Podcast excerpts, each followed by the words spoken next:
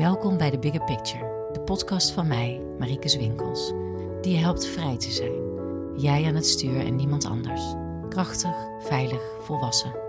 Zelfverzekerd en vol zelfliefde, met overzicht en inzicht navigerend door deze wondere wereld van nu.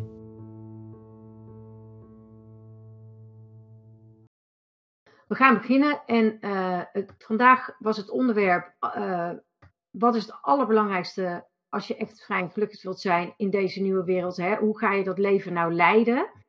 Hoe ga je nou echt vrij en gelukkig zijn in jouw nieuwe wereld? Daar komt het op neer. Gisteren hebben we het gehad over homegrown lifetimers. We hebben het gehad over wat consensus reality is, wat homegrown lifetimers zijn en waarom het nu een nieuwe wereld is. En mocht je die aflevering nou gemist hebben, uh, ik had eigenlijk vandaag, dus iedere dag daarna, na het webinar, de afleveringen al in Love and Light TV willen zetten. Maar dat gaat me niet lukken. Dus mocht je nou die aflevering gemist hebben en je denkt, shit, ik wilde toch even kijken, stuur me dan gewoon even een mailtje, dan stuur ik je gewoon een replay link alsnog. De mensen die uh, hebben ingeschreven, uh, gisteren ook al, die hebben al een replay, play, replay link gehad. Maar ik vind het geen probleem om je even uh, ook nog een replay link te sturen. als je vandaag aanhaakt dan heb je dat webinar tenminste ook. En dan kan je dat morgen kijken of zo. Voordat we overmorgen met uh, aflevering 3 beginnen. Oké, okay, Homegoing Lifetimer dus. Uh, je, je, zevende leven zou ik maar zeggen in het rijtje. En uh, Consensus Reality is eigenlijk waar je dus dat zevende leven helemaal los van komt. En helemaal op je eigen stroom gaat varen. Um, nou, als je dan die zin een beetje ontleedt van echt vrij en gelukkig zijn, nou, wat is dan echt? Wat is dan het echte leven? Want je zou ook kunnen zeggen, ja, maar ik ben toch echt, want ik ben helemaal mezelf. Ik kan niet niet mezelf zijn. En dat is allemaal waar, maar dat is vanuit, vanuit een bepaald uh, perspectief gezien, een bepaald plaatje, maar er is ook weer een groter plaatje. En vandaag wil ik je meenemen in wat dan dat grotere plaatje is als en, en, en ook wil ik wel benadrukken van er zit nou eenmaal een verschil tussen mensen die zich dit leven helemaal willen herinneren wie ze werkelijk zijn. En mensen die een leven gepland hebben in consensus reality. Dat zijn echt twee verschillende dingen. Het heeft me ontzettend lang gekost voordat ik dat eenmaal helemaal door had. Maar toen vielen bij mij in ieder geval ook echt alle uh, kwartjes op zijn plek. En um, toen begreep ik pas van, oh, maar daarom, daarom is het zo anders hier. Nou, dus als homegrown lifetimer heb je een leven gepland waarin je buiten de consensus komt. Nou wil ik niet zeggen dat je daar meteen al start, alhoewel ik zelf dat wel heb gedaan. Uh, zoals, uh, zoals ik gisteren vertelde, ik heb nooit in de consensus gezeten. Uh, maar je gaat daar in ieder geval komen. Iedere homegrown lifetimer gaat daar komen, want dat is je hele purpose van dit leven. En je bent een waanzinnig powerful reality creator. Hè, gisteren heb ik dat ook al uitgelegd. En er is niets of niemand die jou van dat plan kan weerhouden. Want jij wist van tevoren precies wanneer je kwam, in welke omgeving je kwam. Wat, dit, al die, al, dat hele plan was al gemaakt. Dat wil dus niet zeggen, en daar ben ik gisteren meer op ingegaan. Hè, dat wil dus niet zeggen dat je een soort van speelpop bent van het universum of zoiets. Dat zijn allemaal van die dingen, daar, daar heb ik echt helemaal niks mee. En dat klopt, het is ook letterlijk niet waar. En er is ook geen God die het jou allemaal gunt of het voor jou doet. Nee, jij bent zelf onderdeel van je team. Jij hebt je leven gepland en nu ben jij op aarde om dat te ontvangen. Als je dan kijkt naar echt vrij en gelukkig zijn, dan betekent dat dat jij het leven leidt wat je gepland had voordat je kwam. Dat is je echte leven we worden hier op aarde natuurlijk hartstikke afgeleid door allerlei zijstraatjes. Gisteren heb ik daar ook al een voorbeeld uh, van gegeven. Hè, dat ik op een gegeven moment een relatie kreeg met iemand. En ik, en ik voelde hem komen. Hè, van, oh, nou ga ik van mijn padje af. En dat duurde twee jaar. En toen was ik eigenlijk weer precies op dezelfde plek. Ik had het niet hoeven doen. Maar ik heb er wel veel aan gehad. Maar het had niet gehoeven. Het was nou niet echt een, dat ik zeg, uh, het was niet echt een, uh, een uh, certainty. Weten jullie nog? Je hebt dus mijlpalen in je echte leven. Heb je mijlpalen. Je hebt, je hebt je plan gemaakt en daar zitten uh, mijlpalen in en die heten certainties. Die gaan gebeuren no matter what. En dit is ook een van de redenen waarom mensen bijvoorbeeld uh, soms wel voelen dat ze moeten veranderen. Dat moet van niemand, dat moet alleen van je eigen, eigen zelf. En volgens je eigen plan. En dan een soort van uitstellen, uitstellen. En dat ze dan in één keer ergens doorheen knallen. Dat had ook op een veel rustigere manier gekund. Dus een beetje afhankelijk van welke, welke dynamiek je zelf hebt. Hè? Uh, ik ben heel goed in uitstellen, maar ik ben inmiddels ook heel vertrouwd met uitstellen. Omdat ik weet, ja, die mijlpalen haal ik toch wel. Dus ik kan uitstellen wat ik wil. En soms heb ik dan wel een beetje spijt, omdat ik dan in één keer door een hele heftige transformatie heen ga. En denk, oh, shit, had ik maar iets rustiger aangedaan en iets eerder begonnen. En dan, want ik voelde hem wel, maar ik had er geen zin in. Maar ja, dat is een afweging. In, inmiddels ben ik wat uh, ge, gepokt en gemazeld hierin. En kan ik dat allemaal vrij soepel. Ik heb ook heel lang Ehm, de tracks Ease and Grace gehad. Wat tracks zijn, dat vertel ik uh, later nog wel. Maar het, het komt erop neer dat je, dat, je, dat je hier op je karretje rijdt of, of, in je treintje zit en, je, en, je, en de sporen die je kiest, hoe je de wereld wil ervaren. Uh, en ik had Ease and Grace en daarom ging voor mij ook alles heel soepel. Het jarenlang zo geweest. Um, ik, ik heb op een gegeven moment besloten de, de zijstraatjes eruit te laten. En gewoon te zeggen: oké, genoeg afleiding gehad, genoeg ervaren hier op aarde. En er valt een hoop te ervaren. Hè? Want die man, die relatie die ik had, even voor de duidelijkheid. Ik was toen uh, jong, jonger. En ik wilde, ik was, ik was niet eens zo heel jong, maar ik, wil, ik had wel heel erg gemist in mijn leven dat iemand mij een soort van uh, adoreerde. Weet je, en zo'n man die er helemaal voor je is. En uh, dus, en deze man die deed dat heel erg. Dus ik kon daar helemaal, ik kon die ervaring hebben. Dat is een jongvolwassen ervaring.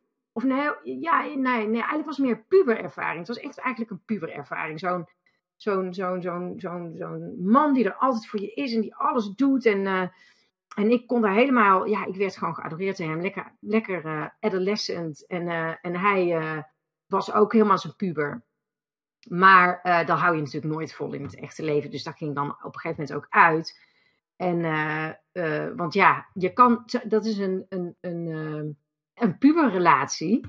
Maar ik had die nooit gehad als puber. Dus ik was blij. Ik, ik heb ook genoeg gehaald uit dat zijstraatje. Begrijp me niet verkeerd. Je zijstraatje haal je altijd wat uit. Maar op een gegeven moment dacht ik, en nou ben ik er klaar mee. Nu wil ik gewoon rechtdoor. Die zijstraatjes kan me gestolen worden. Ik wil gewoon straight ahead het leven, mijn echte leven wat ik gepland heb, nu halen en ontvangen. Dus je hebt die mijlpalen, daar kan je met zijstraatjes heen of je kan rechtdoor. En je hebt je certainties, of uh, je possibilities en je probabilities. Dus uh, eigenlijk moet ik het andersom zeggen: certainties, probability, possibility. En jij als reality creator hebt dat allemaal al uh, uitgestippeld voor jezelf. En dat is jouw ware leven. En eh, eh, als homegoing zijn. Maar natuurlijk heb je in je consensus reality ook een waar leven. Want je hebt heel, maar je hebt daar gewoon een heel ander soort plannen. Het plan om jezelf helemaal te herinneren wie je werkelijk bent, dat speelt daar gewoon niet zo. Dus dan kan je een heel ander plan hebben. Bijvoorbeeld, uh, het, uh, um, we, we, hebben vaak hele. Uh, we hebben vaak in de consensus reality hele fijne, rustige, relaxte levens gehad. Uh, waarbij alles gewoon lekker, gewoon, ik weet niet, normaal ging. En uh, niet met al dat gedoe van persoonlijke ontwikkeling en zo. Natuurlijk met ups en downs, maar op een heel ander niveau. En dat is ook helemaal oké. En uh, generally, zal ik maar zeggen, ben je gewoon wel best wel, heb je meer gelukkige levens gehad dan ongelukkige. want sommige mensen denken wel eens van, oh, wat is toch hard werken op aarde. Nou, we zijn echt niet dom. En we zijn heel krachtig. En uh, we, we regelen het echt wel zo dat we veel leuke, lekkere, relaxte, fijne levens hebben. Maar die uh, onthouden we natuurlijk minder dan de levens waarin hele traumatische gebeurtenissen plaatsvinden. Want die geven ons dan die dauw om onszelf te ontsluieren. Nou, dus als je kijkt naar. De, dus dat is een echt leven. Wat is dan een vrij leven? Je vrije leven is dat je loskomt van die consensus. Vrij van alle opgelegde regels en manieren. Uh, de regels van de consensus. Uh, hè, van, ik noem maar iets geks, ik kan me nog herinneren, en dat herkennen jullie vast wel. dat ik uh, vroeger om kop kreeg van de juf van mijn zoon, omdat ik de korstjes van zijn boterham afsnee, want hij moest toch echt leren om alle korstjes ook op te eten. Zoiets. Dat is dan een, en dat is algemeen, nu niet meer zo, hè. Het is allemaal, al best wel veel verschoven, maar dat, dat was toen toch nog wel zo, een jaar of tien, misschien twaalf geleden of zo, kreeg ik daarvoor op mijn, op mijn donder. En uh, toen ging ik ook heel braaf hem die korstjes laten eten. Maar hij vond het helemaal niet lekker. En toen dacht ik later, wat, wat de fuck, waarom moet hij korstjes eten als hij het niet wil? hoeft hij dat helemaal niet? En dan zei ze, ja, er zijn wel zoveel boterhammen per zak die je dan weggooit. En toen dacht ik, ja, maar als hij het toch niet lekker vindt, laat het kind gewoon lekker uh, zacht boterhammetje eten. Hè? Uh, ook dat is een consensusregel. En als je erover na gaat denken, ga je erachter komen dat je er veel meer hebt dan je denkt. Er is ook niks mis mee. Het is heel fijn om daar met heel veel humor naar te kunnen kijken. Maar het is wel zo. Ik heb vooral heel veel voorbeelden van hoe ik mijn eigen kinderen heb opgevoed. Ik heb bijvoorbeeld ook eentje dat mijn kind die wilde in een piratenpak naar school. En ik, en, ik, en, ik, en ik wilde het gewoon niet. Want ik vond het zo. Ik weet niet, ik weet niet waarom, maar ik vond het gênant. Er kwam een heleboel schaamte naar boven. Uiteindelijk heb ik hem een piratenpak me aan laten doen. En de juf, die vond het helemaal niet erg. Maar die zei later wel: ja, dat is dan wel één keer en niet meer. Waardoor ik toen weer ineens zoiets had van, ja, maar waarom dan niet? Want eh, toen was ik inmiddels zover dat ik dacht van, ja, maar waarom zou het eigenlijk niet mogen? Nou ja, dat zijn allemaal van die worstelingen die je als ouder van jonge kinderen kan ervaren. En daar, het mooie is, als je jonge kinderen hebt, dan kom je er pas achter hoeveel consensusregeltjes je in je systeem hebt zitten. Die niet eens, uh, waar als je erover na gaat denken, dat je denkt, oh, ik weet eigenlijk helemaal niet waarom dat dan zo belangrijk is. Ehm, maar er zijn natuurlijk ook hele grote regels hè, eh, binnen de consensus. En, uh, en ook manieren. Bijvoorbeeld, uh, daar hebben we het gisteren al een beetje over gehad. Over dat je kan. dat een hele, heel gebied op aarde. een bepaalde manier van doen heeft. En die zijn heel verschillend per gebied. bijvoorbeeld, ik heb wel eens begrepen dat er. Ik noem maar wat, hè, op bepaalde gebieden is als je heel goed verhalen kan vertellen dan ben je helemaal de man of de woman. En dan word je, weet je wel, geprezen en geëerd en zo. En dan ben je heel belangrijk. Terwijl, ja, hier in onze cultuur ben je eerder heel belangrijk als je bijvoorbeeld uh, heel veel geld verdient. Of uh, um, heel succesvol bent uh, in, in een bedrijf of zo. Of je hebt een hoge functie met veel mensen onder je. Dus met andere woorden, succesmaten zijn ook onderdeel van de consensus. Een van de manieren om vrij te zijn is als je je eigen succesmaten gaat bepalen. En een hele fijne is dan natuurlijk, waar ik het gisteren ook uitgebreid over heb gehad, want waarvan is deze nieuwe wereld geweven van de draadjes van love, freedom, safety, power, terwijl de oude wereld uh, geweven was van um, guilt, shame en judgment een van de. Wat heel fijn is om als uh, succesmaat aan te houden, is in hoeverre levert, levert iets mij love, freedom, safety, power op? In hoeverre, in hoeverre draag ik bij aan love, freedom, safety, power voor mezelf, maar ook voor anderen? Maar altijd eerst voor jezelf, maar daar kom ik zo meteen nog op. Um, een vrij leven is ook vrij zijn van opgelegde relaties. Gisteren ook al benoemd, in consensus reality heb je een bepaalde relatie met tijd. Er is nooit tijd genoeg. Je moet op tijd zijn, want anders dan, uh, ben je niet echt heel capabel of zo. Of dat is heel slecht. Of dan ben je lui. En het is ook wel weer voor sommige mensen met een heleboel macht stoer juist om te laten komen. Want iedereen die moet dan op hun wachten. Dat heeft ook wel weer iets. In, in ieder geval zijn er allerlei ideeën over tijd. Waar mensen gewoon, um, ja, die mensen gewoon aan, die je aan kan nemen. Zo van, oh, zo is dat. Terwijl dat helemaal niet zo hoeft te zijn. Hetzelfde geldt met geld. Uh, als je veel verdient, ben je succesvol. Uh, maar misschien ook wel een slecht mens. Hè? Dat zijn ook ideeën die heersen bij hele bevolkingsgroepen die denken van nou, uh, rijke mensen die, die, uh, die, kunnen, die kunnen niet goed zijn, want die moeten wel allemaal andere mensen belazeren. Of bijvoorbeeld, uh, wat dacht je van deze? Als je veel geld hebt, dan moet je heel hard werken. Dat kan niet anders. Dat zijn allemaal consensus ideeën. Uh, spiritualiteit is er ook eentje. Hè? Als jij, uh, ik noem dat altijd een beetje oldschool spirituality. Ik had uh, die, e-, die, nou, die ene relatie, laat ik die maar even aanhouden. Dat zijstraatje. Die was nogal in het boeddhisme. En die deed dan van die prostraties. Uh, want dan, er zat een, uh, en, ik, en, ik, en ik hoop, wil niemand voor het hoofd stoten, hè, dus ik weet heus wel dat daar van alles achter zit. Maar ook met spiritualiteit of religie of levenswijze kun je in een consensus reality terechtkomen waar als je het niet doet, dat je daar dan iets verkeerds mee doet. En dat is eigenlijk altijd de graadmeter van wat is nou een consensus reality concept, is als je het niet doet, komt schuldschaamte oordeel om de hoek kijken.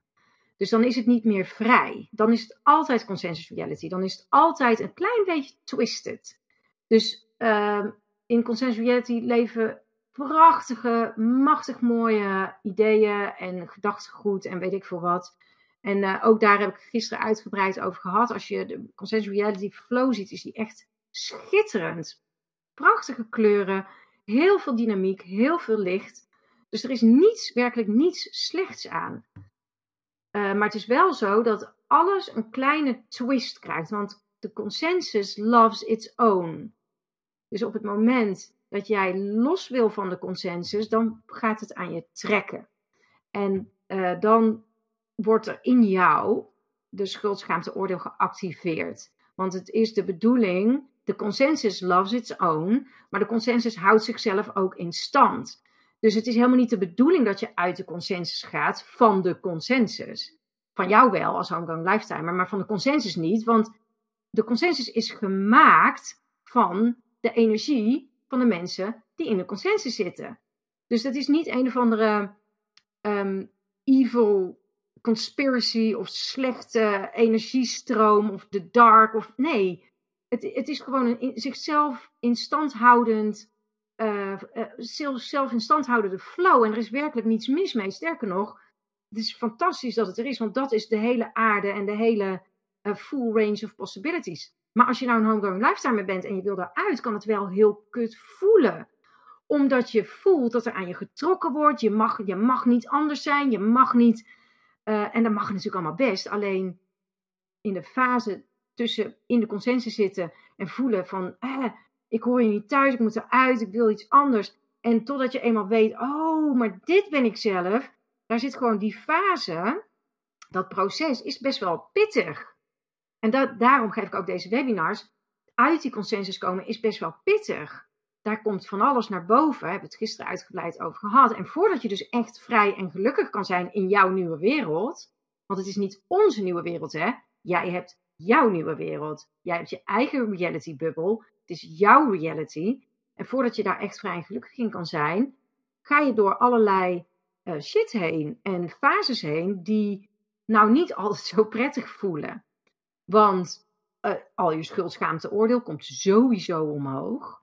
Hè? Want ja, uh, uh, de consensus probeert daarmee je ook in de consensus te houden. Um, en nou, nou, er zijn nog veel meer processen. Daar kom ik zo verder op. Laat ik even bij, bij mijn verhaal blijven. Een vrij leven is dus los van alle opgelegde regels en manieren. Ook al, ook al zijn ze nog zo mooi. Maar wie ben jij werkelijk echt? Um, en je daarvan bevrijden. Eh, als je daarvan bevrijd bent, dan heb je een vrij leven. En wat is nou een gelukkig leven? Laatste woordje in deze zin, echt vrij en gelukkig zijn. Een gelukkig leven is ook voor de homegrown lifestyle anders dan voor een, zeg maar, een leven in de consensus.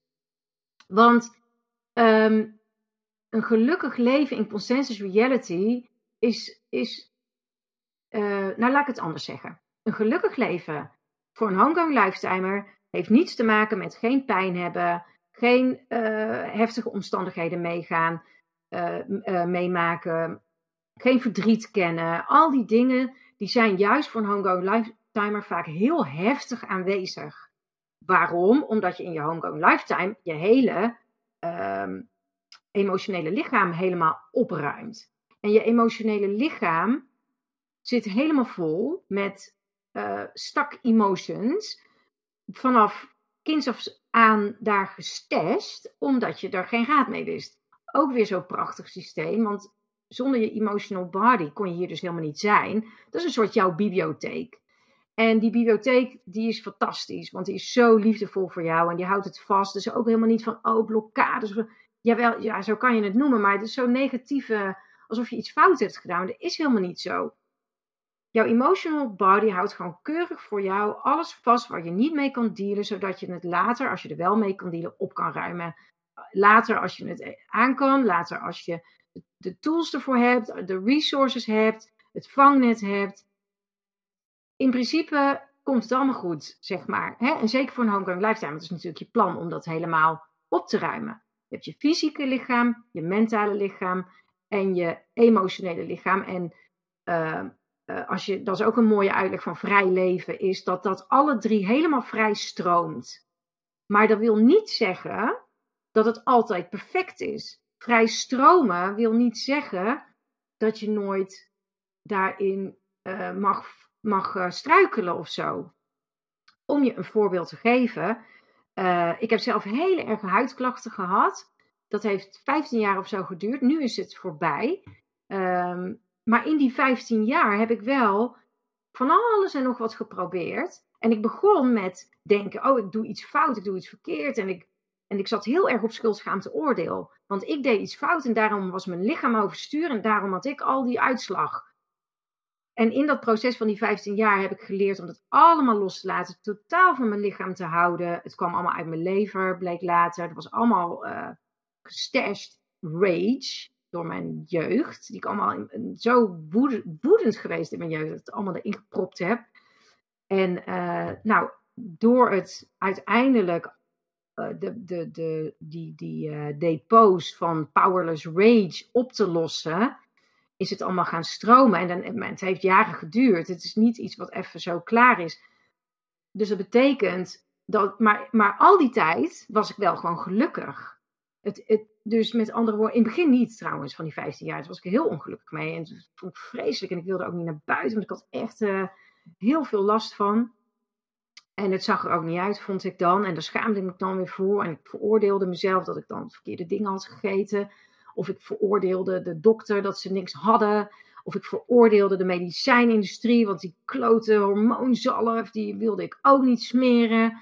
Of uh, ik voelde me schuldig over uh, dat ik niet genoeg had geslapen, of niet genoeg uh, mijn rust had gepakt, of niet genoeg had, I don't know, gemediteerd of zo.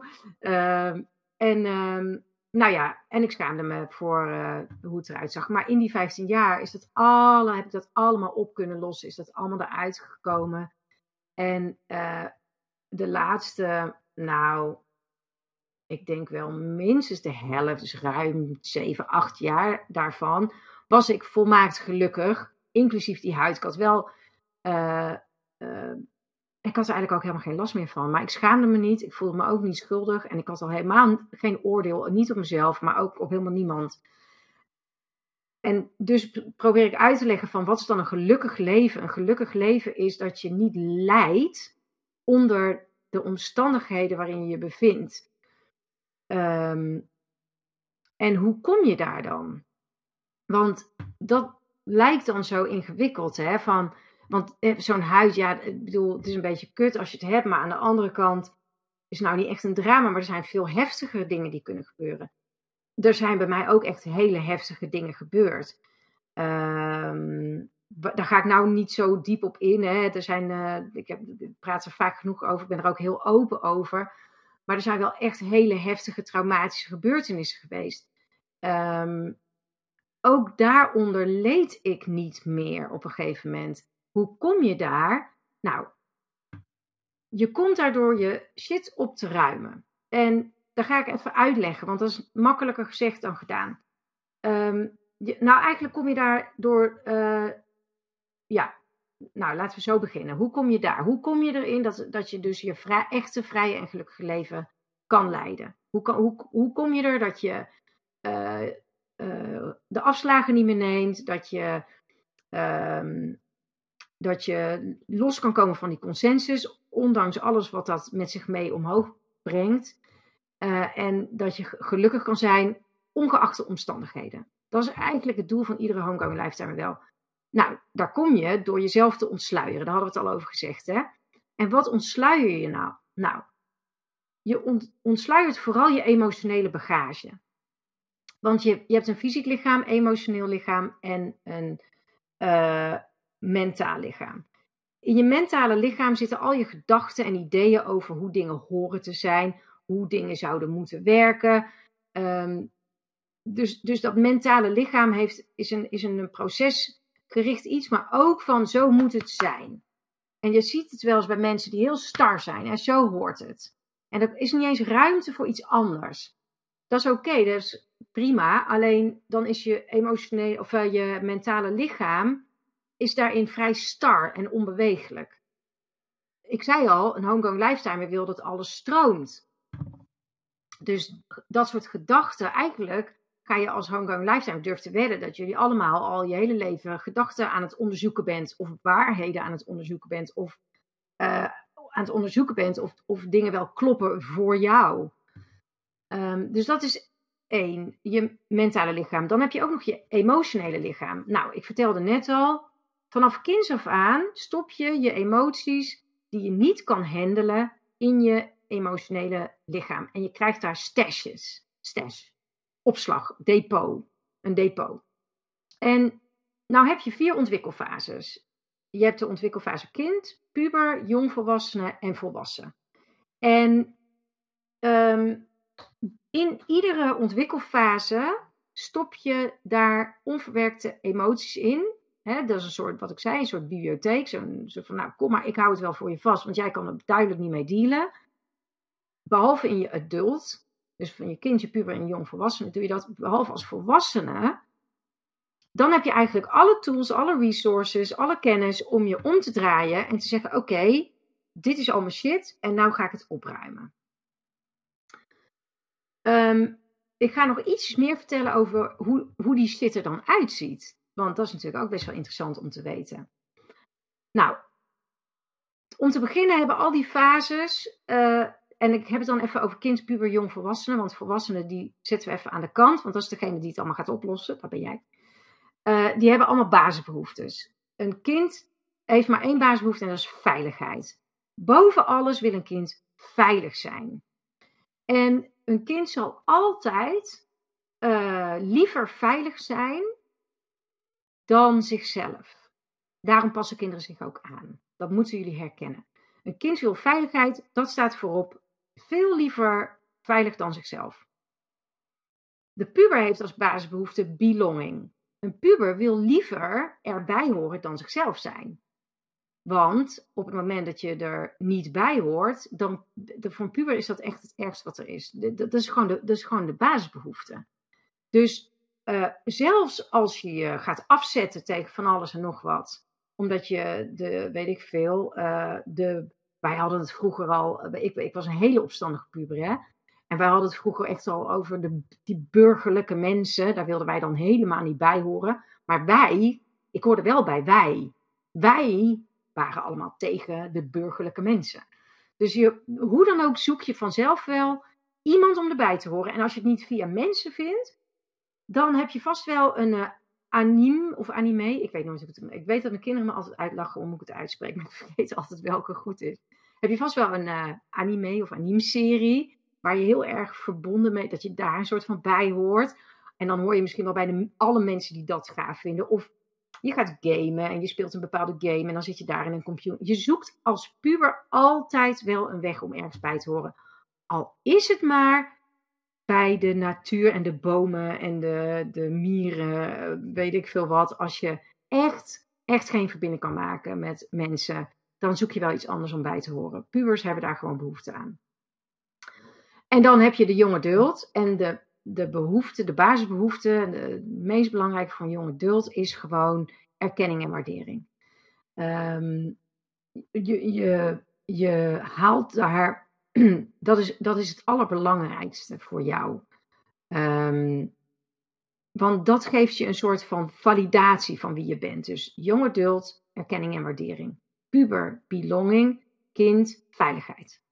Wat zijn nou de issues van alle drie? even voor de duidelijkheid, hè, zij hebben ook waanzinnige skills. Het kind heeft allerlei prachtige skills van um, uh, in het moment kunnen zijn, pure joy, kunnen ervaren. Ehm, ja, die kinderlijke verbazing en verwondering. Zijn allemaal skills die een kind heeft. Een puber heeft ook skills, namelijk het over, uh, over grenzen gaan, oprekken van, van, van het bekende, doorbreken, ehm, ja, de ongebaande paden. En de jonge dult, die heeft als skills, uh, de dat is de dromer en de creëerder, die kan prachtige visies hebben. Maar heel vaak zitten de issues van deze drie ertussen als je als volwassene toegang probeert te krijgen tot al die skills. Nou, wat is nou de issue van het kind? De issue van het kind is dus veiligheid, is onveiligheid. Dus als jij je heel onveilig voelt, dan is het best wel lastig om helemaal blij en verwonderd en vrij in het moment in het leven te staan. Dat, dat kan helemaal niet, want die issues die zitten ertussen. En als jij een puber bent en je bent grensverleggend en doorbrekend en niet de gebaande paden, dat is heel lastig als je ondertussen gewoon erbij wil horen. Weet je, vind dan maar eens je eigen weg. Dus dat is een beetje counter. En de jonge dult, die wil erkenning en waardering. Maar die wil ook, dat, hè, dat is zijn levensbehoefte, maar dat is tegelijkertijd de dromer en de creëerder. Maar stel je nou voor, je werkt uh, in een omgeving waar jouw dromen meteen worden afgesabeld. Of dan ben je een zeikert of een, of een dromer of een uh, wappie of weet ik veel wat. Um, en, je, en, en, dat, en daar ben je bang voor, of dat, dat, dat doet wat met je, ja, dan kan je niet vrijuit dromen natuurlijk. Want dat issue zit ertussen. Dus je hebt basisbehoeftes, je hebt issues, dan heb je nog waar haal je je eigen waarde vandaan? Nou, het kind houdt de waarde uit wat heb ik. Daarom is een kind ook altijd zo blij met bijvoorbeeld een speeltje van 10 cent bij de tandarts of zo, of een ballon. Want dan heb, dan heb je iets. En daarom is het voor een kind ook vreselijk als een ballon knapt. Die kunnen dan echt, weet je wel, want dat is heel erg. Dan is ineens, je had iets en ineens niet meer. Dat is voor een kind verschrikkelijk. Uh, natuurlijk een beetje afhankelijk van de leeftijd, maar de waarde van een kind hangt, is wat heb ik. De waarde van de puber is wie ken ik. Uh, als ik uh, genoeg ehm, mensen ken die belangrijk zijn, dan ben ik ook belangrijk. Dan hoor ik daarbij. Dus je wil misschien wel populaire vrienden, of je wil juist de opstandige rebelvrienden. Wie ken ik? Dat is, dat is, daar haal je je waarde uit. En, en, en, en je wil daar die wederkerigheid in voelen. En van de jonge dult is het, ehm, wat doe ik? ook een gaaf voorbeeld. Ik, ik heb een keertje, uh, kende ik iemand en die was uitgebreid aan het vertellen. Dat is een heel stom voorbeeld. Maar dat was zo mooi. Zij zei, het was zo tekenend namelijk. Ze zei van ja, en ik ben iemand en ik hou echt van cadeautjes heel mooi inpakken. En, uh, want dan doe ik altijd helemaal met uh, bepaald papier en dan met bloemen erbij en strikken. En zij maakte en, want dat, en dan vond ze het ook heel fijn om dat dan zo te geven. Want dat was wie ze, hoe, wie ze was. Haar identiteit, haar eigenwaarde haalde ze uit wat doe ik.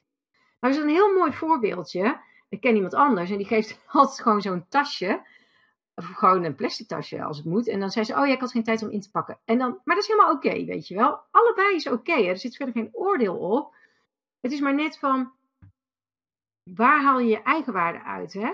Um, een, een uh, jonge dult die zal altijd zeggen, die, die is meer zo van, ja, kijk mij, ik heb... Een kind zal zeggen, kijk eens wat ik heb.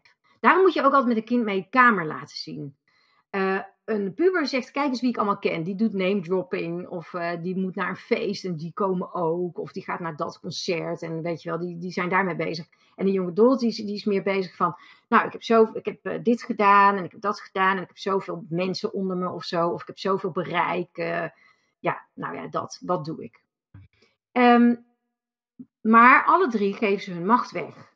Het kind geeft de macht weg aan de opvoeders, ouders, juffen, meesters, ooms en tantes, opa's en oma's. Iedereen die boven het kind staat qua autoriteit en qua macht. Want als jij als ouder zegt tegen een kind: Nou, je gaat nu naar bed en uh, je mag niet nog een aflevering kijken.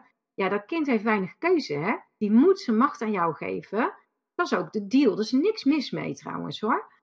Maar die geeft dus macht weg aan de opvoeders. En zoals ik al zei, die, is liever, die wil liever veilig zijn. Want als ze het niet doet, dan wordt het onveilig misschien. Op wat voor manier dan ook. Hè. Dat kan, dat kan uh, van heel erg zijn, fysiek straffen of zo. Maar dat kan ook al met een beetje een teleurgestelde ouder. Dat is voor een kind ook al onveilig. Weet je? Dus, dus het. het, het um... en dat is ook nogmaals.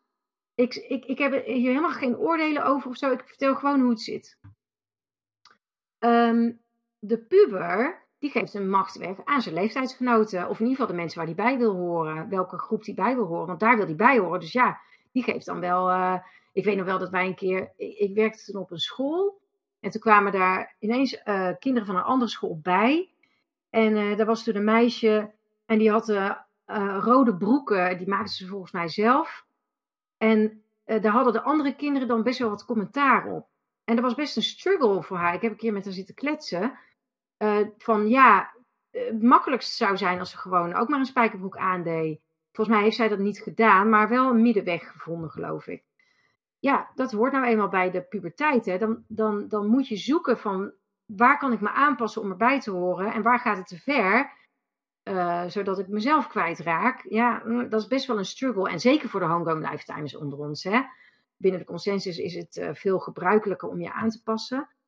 Uh, maar in ieder geval, dat is de puber, uh, die geeft zijn macht weg aan leeftijdsgenoten. En de jonge dult, die geeft zijn macht weg aan uh, de wereld om zich heen. En dan kan je zeggen van bijvoorbeeld je werk, je baas of je collega's, maar ook iets groter, het journaal bijvoorbeeld. Of de wereldpolitiek, of politiek binnen Nederland. Gewoon de iets grotere kring is dat. en dan, voordat je het weet, ben jij Bijvoorbeeld, het kan ook aan de andere, andere kant zijn. Hè? We hebben natuurlijk net met corona allemaal hele prachtige voorbeelden van gezien. Dat mensen bijvoorbeeld of moesten tegen vaccinatie zijn of ervoor. Dat is eigenlijk ook in allebei je, je macht weggeven. Want ja, als je voor bent, uh, want dit of dat of dat. Of als je tegen bent, want dit of dat of dat. Zodra er een heleboel schuldschaamte oordeel bij komt kijken, ja, dan, ben je, dan geef je je macht weg. Um, het gaat eigenlijk alleen maar over wat jij zelf kiest. Maar dat kan je eigenlijk pas als je volwassen bent. Nou, de volwassene, die kijkt terug en die ziet al die delen. En geen één kind heeft genoeg veiligheid gehad. Geen één puber heeft genoeg belonging gehad. En geen één volwassene heeft genoeg erkenning en waardering gehad. En die volwassene, die kan, die heeft eigenlijk de taak van het vervullen. Alsnog vervullen van die delen. Op het moment dat je die delen gaat vervullen, dan staat je kind niet meer aan het stuur, of je puber niet meer aan het stuur, of je jongvolwassene niet, meer aan het stuur. Je moet het eigenlijk zo zien, op het moment dat je heel veel van die onvervulde delen in je, um, in je systeem hebt zitten, en je hebt heel veel van die stashed emotions in je emotional body, dan stel het je maar voor, je zit in een auto en je zit aan het stuur en je kind, je puber, je jonge adult, die zitten allemaal bij je. En ook nog de rebel en de good girl en de, nou ja, de, de innerlijke slavendrijver en de kritische ouder, die zitten allemaal bij jou in de auto. En zodra er iets gebeurt, proberen zij het stuur over te nemen. En dan ga je reageren vanuit een van die. Maar zij kunnen nooit de beslissingen nemen die jij als volwassene zou nemen, omdat zij simpelweg niet de vaardigheden hebben, de kennis hebben, de, de, de heelheid hebben die jij als volwassene kan hebben. En daarom zeg ik van, als mensen zeggen, ja, maar ik ben toch altijd mezelf? Ja, maar welk deel in jezelf ben je? Ben jij de volwassen? Ben je de adult zelf? Of laat jij je kind het stuur overnemen en ga je niet naar een feestje uit angst, omdat um, uh, uh, dat mensen je niet aardig vinden of niet lief of leuk vinden, omdat jij geen cadeautje had gekocht? Of neemt je puber het over en ga je niet naar een feestje omdat je bang bent als je dan weggaat dat iedereen over je gaat roddelen. Of ga je niet naar het feestje omdat het een feestje is van iemand die zich, uh, ik noem maar wat geks, die op een andere partij stemt. I don't know. Of, of een, in de consensus reality leeft en, en je vindt die persoon burgerlijk. Weet je, wie, wie zit er aan het stuur? Dat is de vraag als je het hebt over je echte leven ook weer. En natuurlijk ben je altijd jezelf, maar welk deel van jezelf zit aan het stuur in jouw beslissingen, in de acties die je onderneemt? En op het moment dat die adult aan het stuur zit, dan leid je ook niet meer. Wie leiden er? Niet de volwassenen. Dat zijn altijd je kind, je puber of je jonge adult. Die lijden onder de, de onvervuldheid die zij hebben ervaren en die nooit vervuld is. Je adult zelf lijdt niet. Dus als je het hebt over gelukkig zijn, eigenlijk als je zegt echt vrij en gelukkig zijn, dan betekent dat dat je je adult bent. Dat is, dat is eigenlijk wat het is. Nou, hoe kom je daar dan? Dat is, je zit op ruimen. Dus alles wat opgelegd is door consensus reality ontsluieren, dat is één. Dat is één deel van je shit. Het, alles wat opgelegd is door consensus reality opruimen en ontsluieren. En er weer afhalen. Tweede is het vervullen van je innerlijke delen. Van je kind, je puber en jongvolwassenen. Dat is twee, shit opruimen.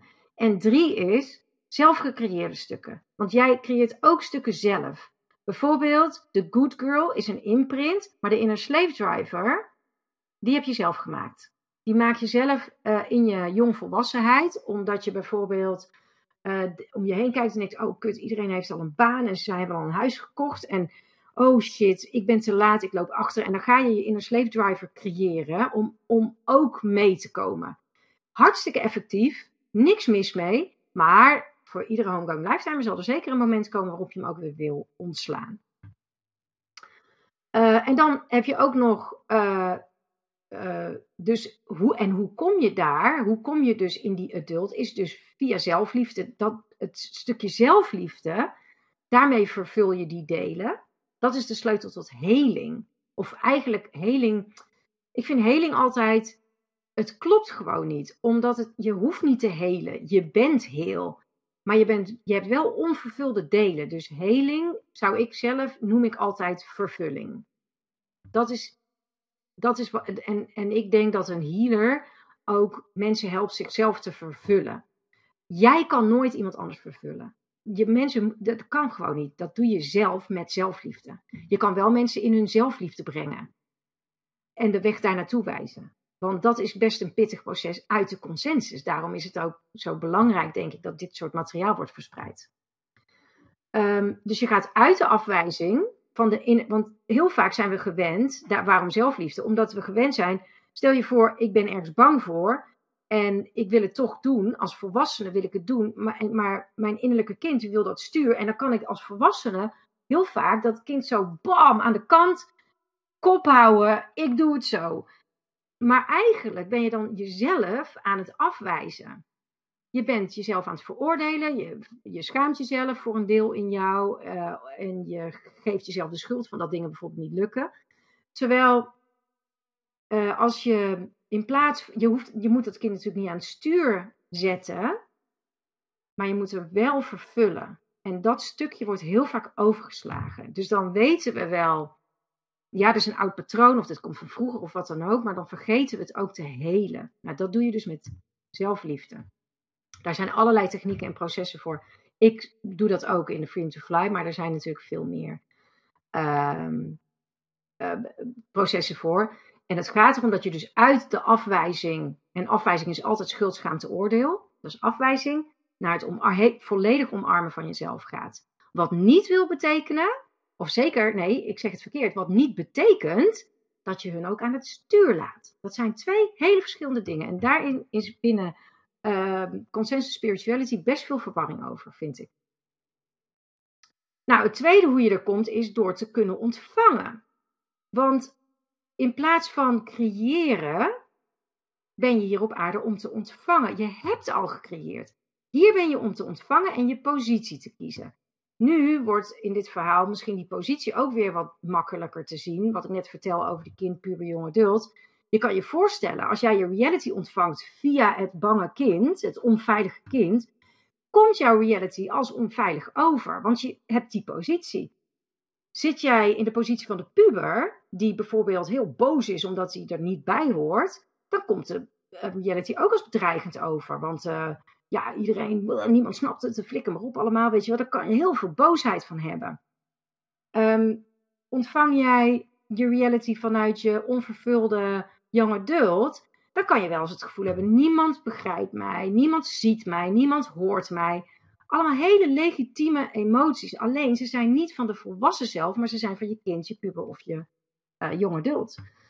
En um, hoe jij je reality ontvangt en je plan ontvangt, de ervaring daarvan hangt dus af van welke positie je kiest. En welke positie je kiest hangt weer af van in hoeverre je die laagjes er al af hebt gepeld.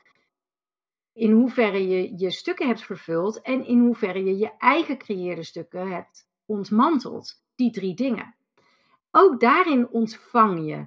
Je ontvangt van je reality de, precies de informatie om dit alles te doen. Want jij bent een homegoing lifetimer. Je reality is je allerbeste vriend en die wil niets liever dan jou helpen je te vervullen, je te ontsluieren en je eigen stukken te ontmantelen. Want jouw reality als allerbeste vriend wil dat jij jouw zeg maar echte doel hier op aarde bereikt. En dat is namelijk helemaal weten wie je ook alweer bent. Echt vrij en gelukkig zijn.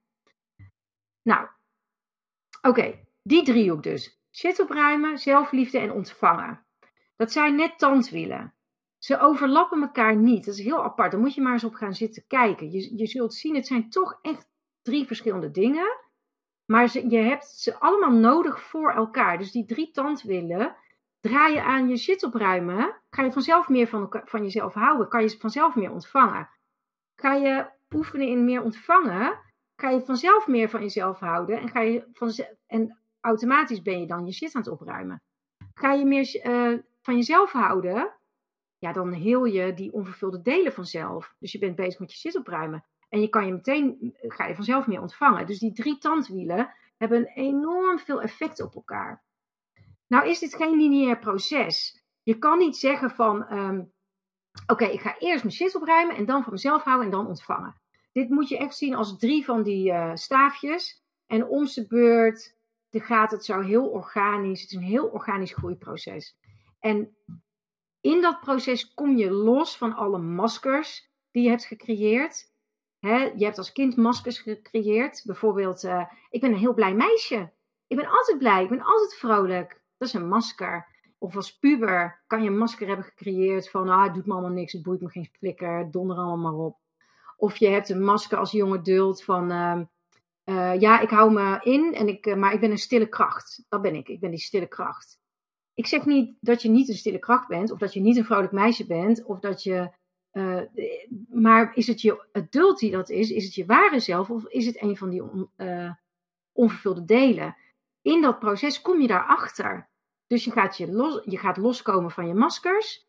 Je gaat loskomen van de big three. Hè, schuld, schaamte, oordeel. Dat noem ik echt de big three. Want ja, dat, daar, dat, dat zijn hele heftige energetische structuren in je systeem. En kom je los van hoe het hoort. Zo hoort het. Oh, dan moet ik het zo doen. Of van verwachtingen die anderen hebben. De maatschappij, even grote wereld. De maatschappij, uh, je baas, je collega's, je familie, je kinderen. Waar ben jij in dat verhaal? Daar helemaal los uitkomen en vervolgens je helemaal jezelf mogen zijn van jezelf. Nou, dan ben je een heel eind op weg om echt vrij en gelukkig zijn in jouw nieuwe wereld. En ook helemaal in je volwassen zelf te stappen. En het is een heel proces.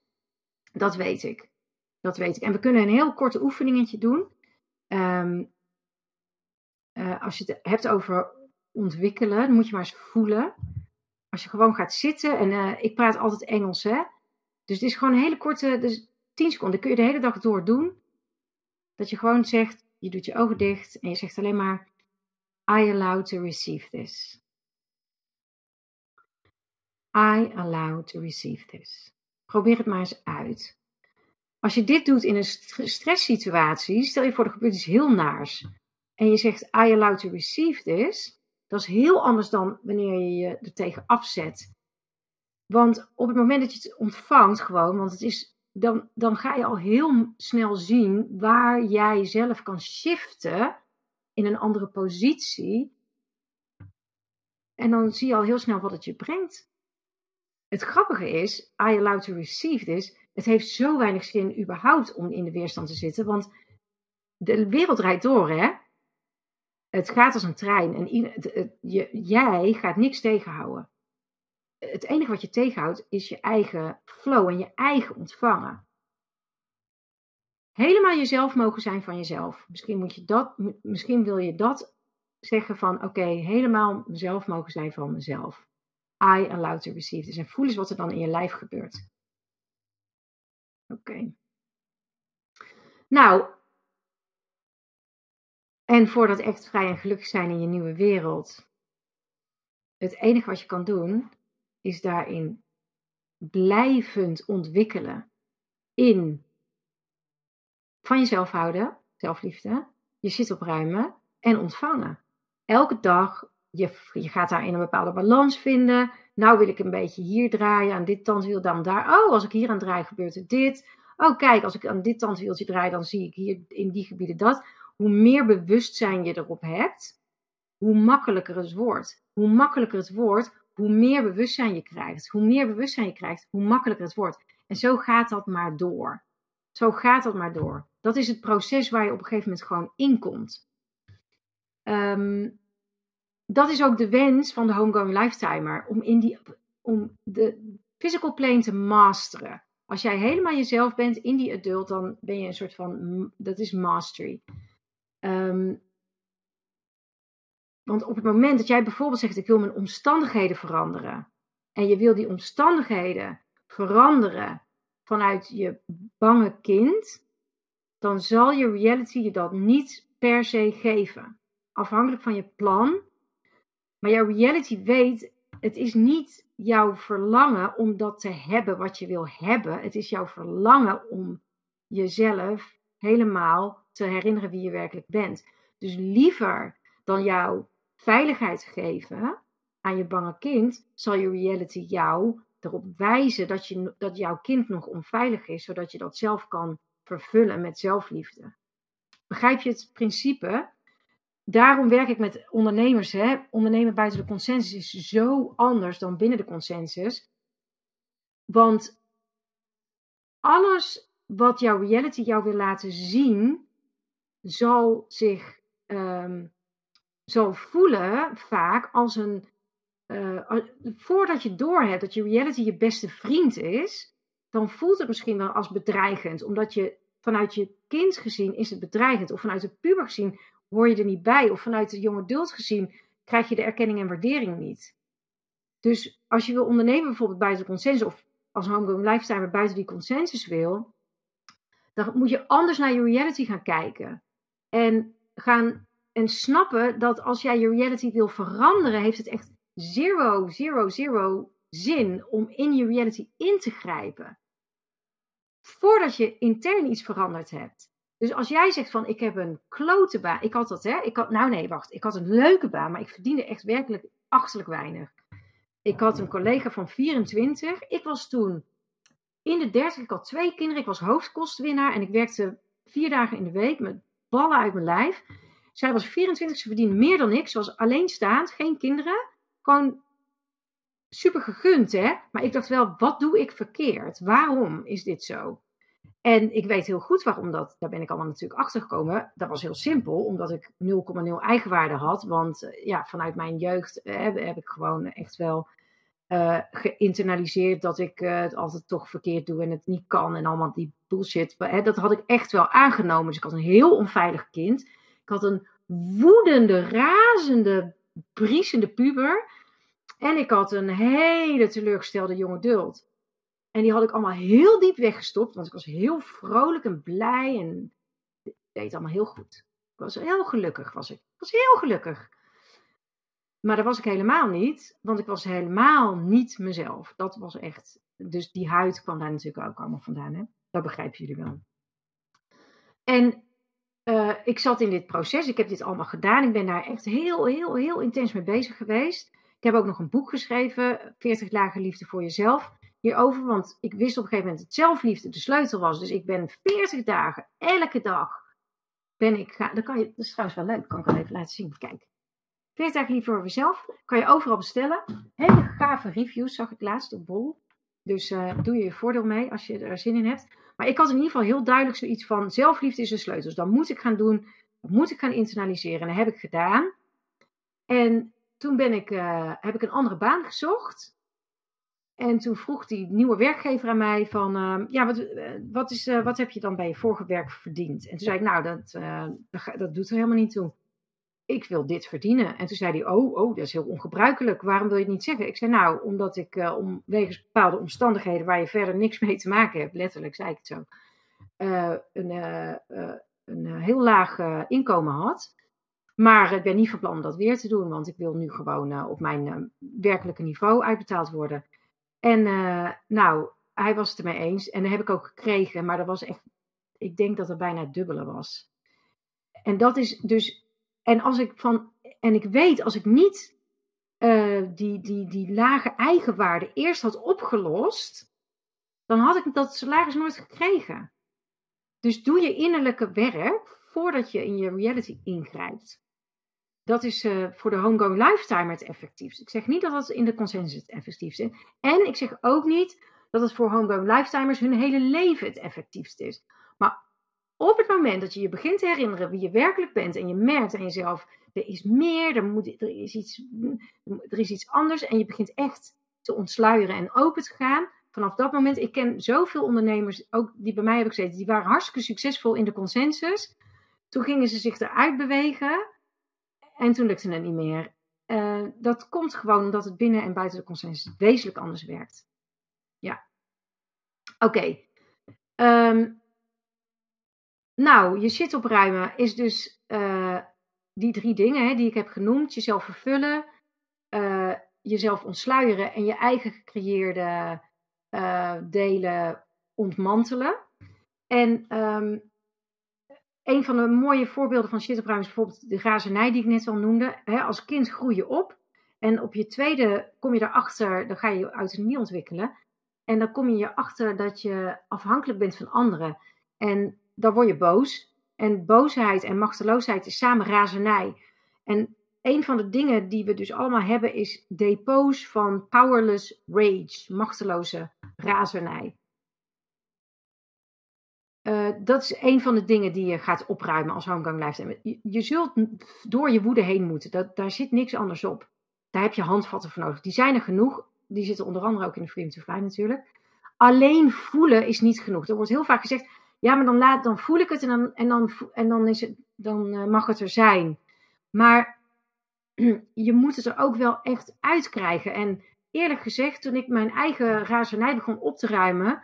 Ten eerste ontkende ik het. Hè. Ik had altijd, nee hoor, ik had echt geen razernij. Want ik was heel spiritueel tegen die tijd al. Voordat ik daarmee bezig ging. En ik was heel licht en zo. Dus nee, razernij, tuurlijk niet. Ik ben juist heel blij en licht. Nou, en toen kwam ik op een gegeven moment uh, achter van nou, dus er was, een, er was een boek en er stond in letterlijk: als je denkt dat je niet, geen razernij hebt, heb je het waarschijnlijk heel diep weggestopt. En dan kan je weten doordat je dan een paar dingen, bijvoorbeeld, ja, dan glamour je altijd alles. Ik dacht, oh, nou, dat herkende ik wel. Ik kan heel goed dingen gladsten als iemand zich lullig gedraagt. Van, oh, maar dat begrijp ik. Je, je begrijpt altijd alles, je glammert altijd alles. Dus dan leg je iets mooier uit dan het werkelijk is. ik, echt een lichtend voorbeeld is dat mijn ex, die zei dan, die had een hekel aan masseren en die zei, ja, ik maak nog liever de wc schoon. En, en ik dacht alleen maar van, oh, wat, wat uh, mooi van hem dat hij dat zo dat hij zo eerlijk durft te zijn. En ik vertelde dit aan een vriend en die begon te huilen, serieus waar. Hij kreeg tranen in zijn ogen en hij zei, oh, wat vreselijk dat, dat je, je partner zoiets tegen je zegt. En ik kon er helemaal niet bij. Ik dacht, nou, ik vond het eigenlijk wel knap van hem dat hij zo eerlijk was over zichzelf. Dat is glamoren. Dat is natuurlijk helemaal niet leuk. Maar daar kon ik echt niet bij. Hij moest huilen voor mij. Ehm, maar het heeft me wel de ogen geopend toen. En um, dus glamoren en uh, alles begrijpen. Nee, maar ik snap het wel. Ja, natuurlijk. Voor jou is het ook lastig. Nou, dan ga je ook helemaal bij jezelf weg natuurlijk. Maar wat doet het nou met jou?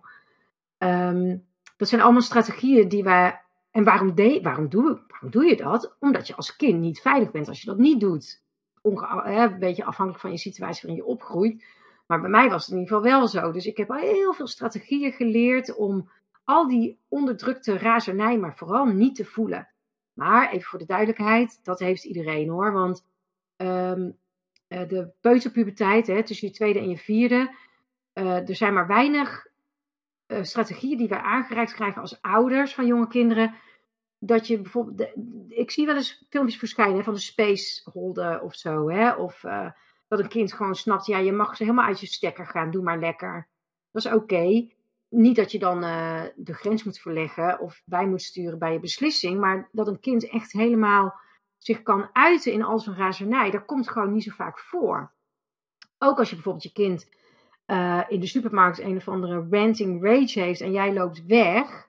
Voor een kind is dat super onveilig, want dat is ook afwijzing. Hè? Dan, dat is eigenlijk een soort verstoting. En nogmaals, ik heb er geen oordeel over. Ik heb al die dingen ook gedaan hoor. Maar al, je, je snapt wel dat je dus daarmee ga je dus razernij onderdrukken, want dat is onveilig. Dan, dan, en vrouwen zeker hè.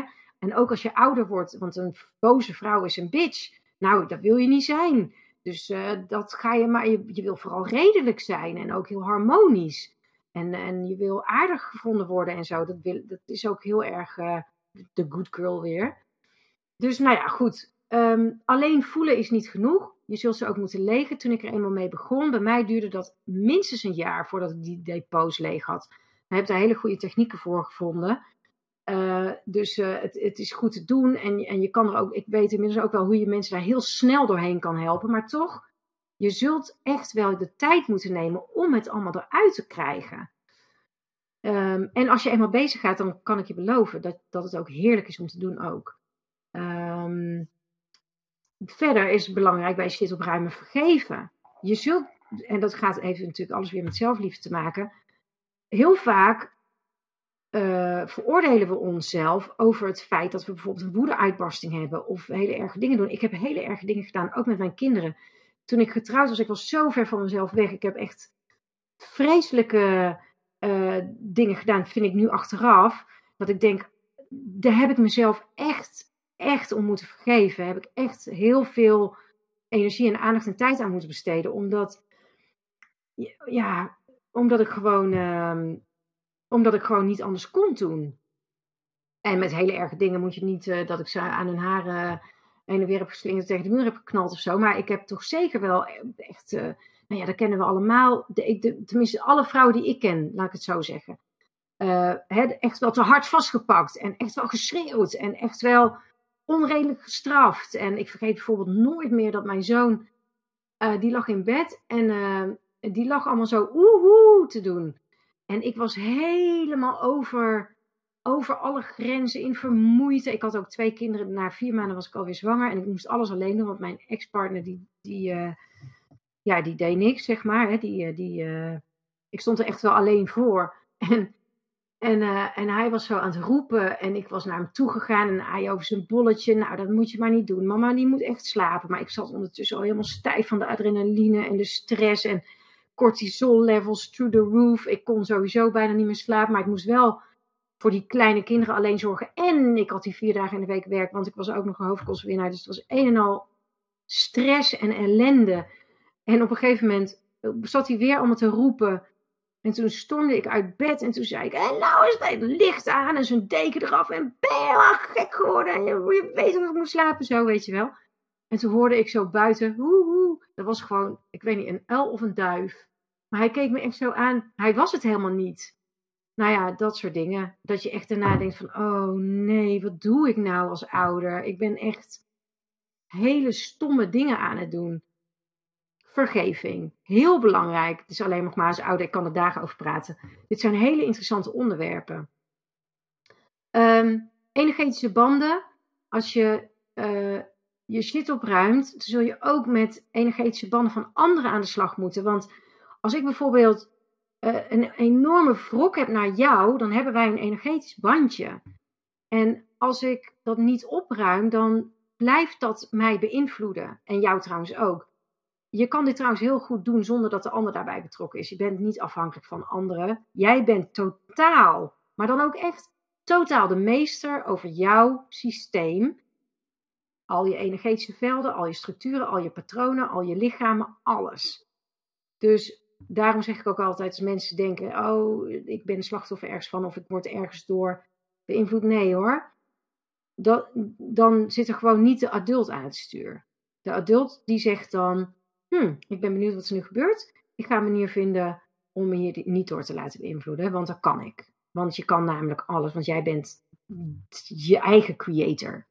Dus uh, maar het is heel fijn als je leert hoe je bijvoorbeeld energetische banden kan verbreken en je space kan clearen. Uit je systeem, zodat je niet allerlei energie van andere mensen in je systeem hebt. Hè, ehm, je shit opruimen heeft ook heel veel te maken met onrecht. onrecht eh, het onrecht in de wereld. Hè. Daar hebben we natuurlijk de afgelopen jaren heel veel mee te maken gehad. Nu ook weer.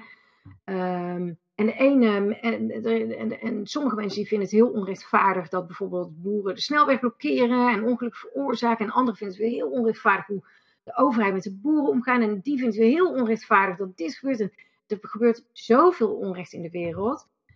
Ehm, en er is altijd wel wat, want dat is ook de full range of possibilities. Dus een onderdeel van je shit opruimen is ook echt het losmaken van alle het onrecht in de wereld. En dat je echt gaat kijken van maar wie ben ik en wat is mijn reality? Ik hoef niet daar te kijken wat er gebeurt. In je eigen reality is het druk genoeg. Um, nou, machteloosheid heeft het eigenlijk al een beetje over gehad. Hè? Het slachtofferschap, het aanhaken op anderen. Hè? Als iemand heel erg boos is en uh, iets staat te verkondigen, dan is het zo makkelijk om aan te haken en mee dat te gaan verkondigen. Maar je gaat wel bij jezelf weg. Je kan veel beter zeggen: hé, hey, ik word getriggerd door die persoon. Wat gebeurt er in mij? En dan die persoon weer uit je space. Daar heb je verder niks mee te maken. Je hebt alleen maar iets te maken met je eigen reality en wat er in jou gebeurt. Um, een heel groot, heel, heel, heel groot effect van die onderdrukte powerless rage is depressie en burn-out. Dat is niets anders dan laag op laag op laag op laag van onderdrukken van powerless rage, omdat, we, omdat, omdat je niet de tools hebt hoe je dat eruit kan halen zonder dat jij andere mensen beschadigt. Want dat willen we niet. Ik wilde toen mijn kind ook niet uh, beschadigen met dat geschreeuw en boos en lichten aan knallen terwijl hij lekker lag te slapen. Maar ik was zo overstuur, zo woest ook, omdat ik er zo alleen voor stond en, en niet eens kon slapen. Dus ik vond ook sowieso dat mij heel veel onrecht werd aangedaan door de omstandigheden. Uh, dat ik het eigenlijk bij hem dumpte. En je wil natuurlijk als volwassene je eigen powerless rage oplossen zonder anderen ermee te belasten.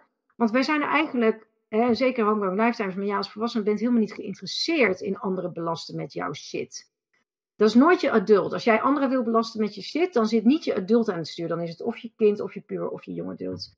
Of je inner slave driver, of je kritische ouder, of weet ik veel wat. De, de good girl of de ivory tower, I don't know. Maar niet je adult. Je adult hoeft niet anderen te belasten daarmee. Dat is helemaal niet interessant. Ja. Oké. Okay. Ehm, dan heb ik nog een. We hebben het vrij uitgebreid gehad over je shit opruimen. Hè?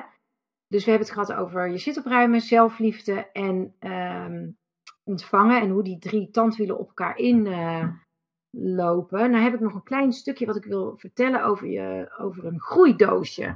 Dus een heel simpel systeem waar je in zit is.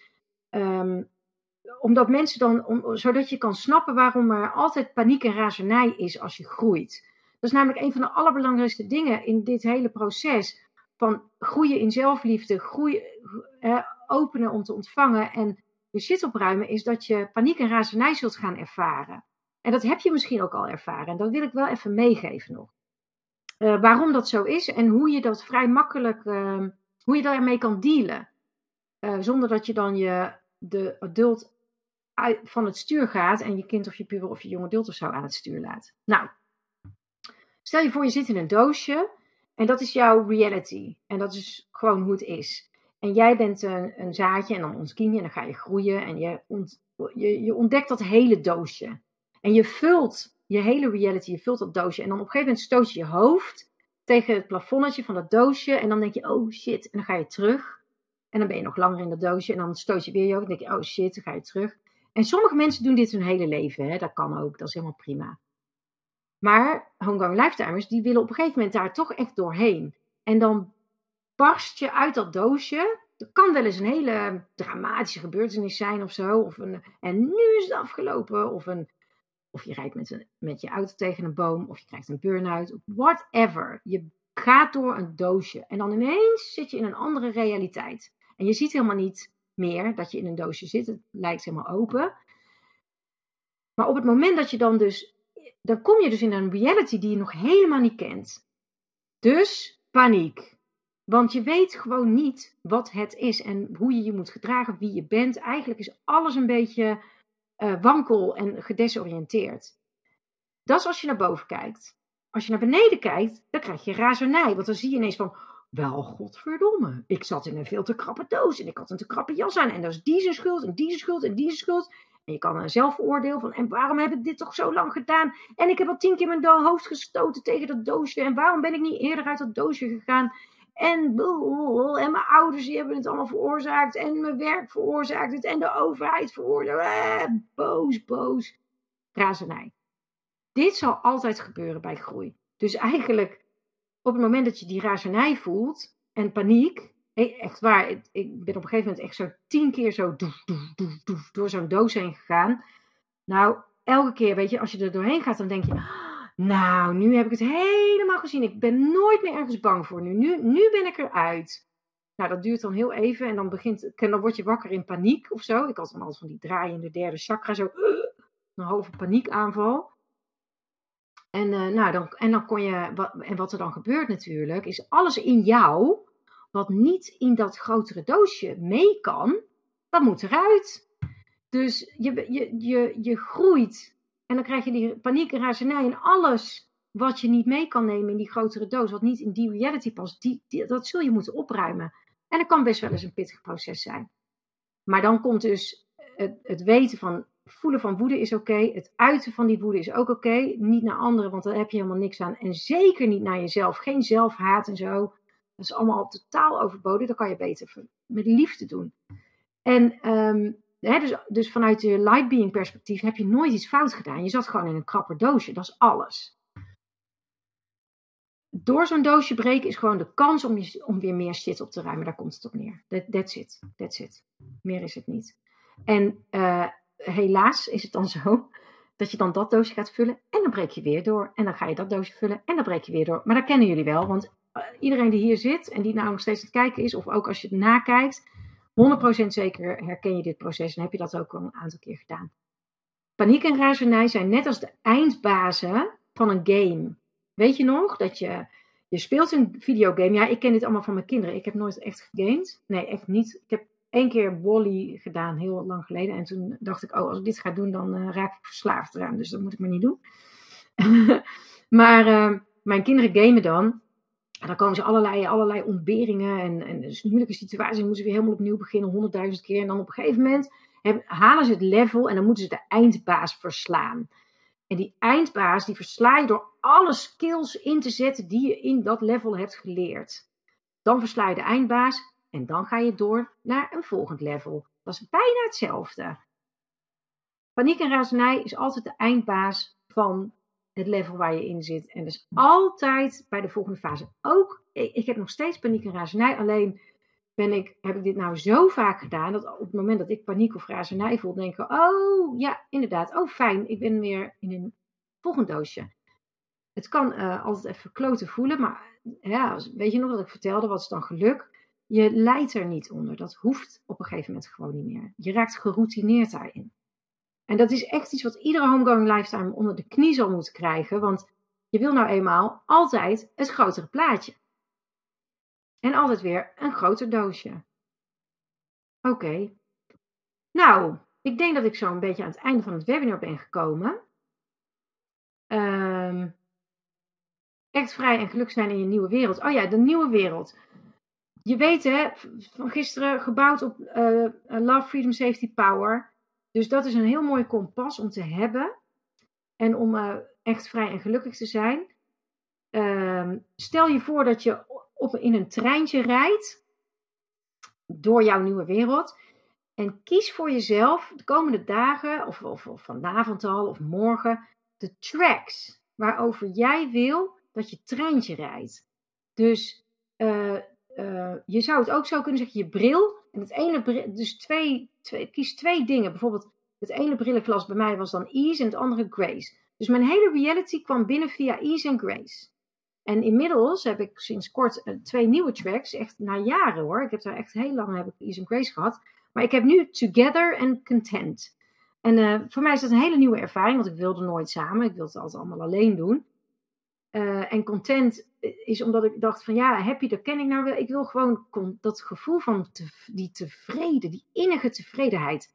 Heerlijk. Ik ben ook al 51, hè. Dus ik wil onder andere gewoon lekker tevreden zijn. Nou, ik moet je zeggen, mijn wereld ziet er meteen anders uit sinds ik die twee tracks heb gekozen. Dus kijk eens voor jezelf welke tracks jij kiest om door je nieuwe wereld je weg te vinden. En om door je nieuwe wereld. En ik heb, we hebben hier een uh, energetic update over gehad. En mensen die komen echt met de mooiste dingen: joy en adventure. Uh, of happiness en joy. En focus en action. En maakt niet uit wat je kiest, als het maar echt past bij. Oh, nu wil ik me zo begeven in deze nieuwe wereld. Hier heb ik nou zin in. En dan kan je altijd weer anders kiezen. Nogmaals, je plan is toch wel hetzelfde, maar de manier waarop je het ervaart, kan je onder andere door zo'n keuze uh, bepalen. En uh, jouw team wil jou alles geven wat je maar wil, want die zijn dolblij met je en die hebben echt een enorme achting voor je. Dus als jij zegt: Ik wil vanaf nu uh, deze tracks, dan uh, gaat dat gebeuren. Daar kan je echt op rekenen. Um, ik denk dat ik alles wel zo'n beetje gehad heb. Hè? Leren ontvangen. Of nee, niet leren, maar je ontvangen vergroten, jezelf ontsluieren. En uh, uh, dus je zit opruimen is ontsluieren, vervullen en ontmantelen van de zelfgecreëerde delen. Zelfliefde spreekt denk ik heel erg voor zich. Is vooral eigenlijk het tegenovergestelde van schuld, schaamte, oordeel. En uh, ontvangen uh, is uh, het, het vergroten van je ontvangvermogen. Hoeveel gun je jezelf heeft natuurlijk ook weer. Nou ja, en je, die drie tandwielen. Volgens mij hebben we alles wel behandeld. Um, de volgende webinars is wel leuk. Want nummer drie is natuurlijk hoe je dus je shit kan opruimen. Daar ga ik daar veel dieper op in. Nummer vier is hoe je van jezelf kan houden elke dag. En nummer vijf is hoe je echt kan gaan ontvangen. En dat ook kan blijven doen. Uh, dat ga ik je in de volgende webinars allemaal vertellen. En dan komt er een uh, zesde webinar bij uh, met een Q&A. Dan weet je dat vast. Dankjewel voor het luisteren, je aandacht en je tijd. Voor het proces wat je doormaakt en de stappen die je zet. Jij maakt de wereld een betere plek. In jezelf, voor jezelf en daardoor voor iedereen. Jij bent voor jou nummer 1, vergeet dat nooit. Allerliefst van mij, Marike.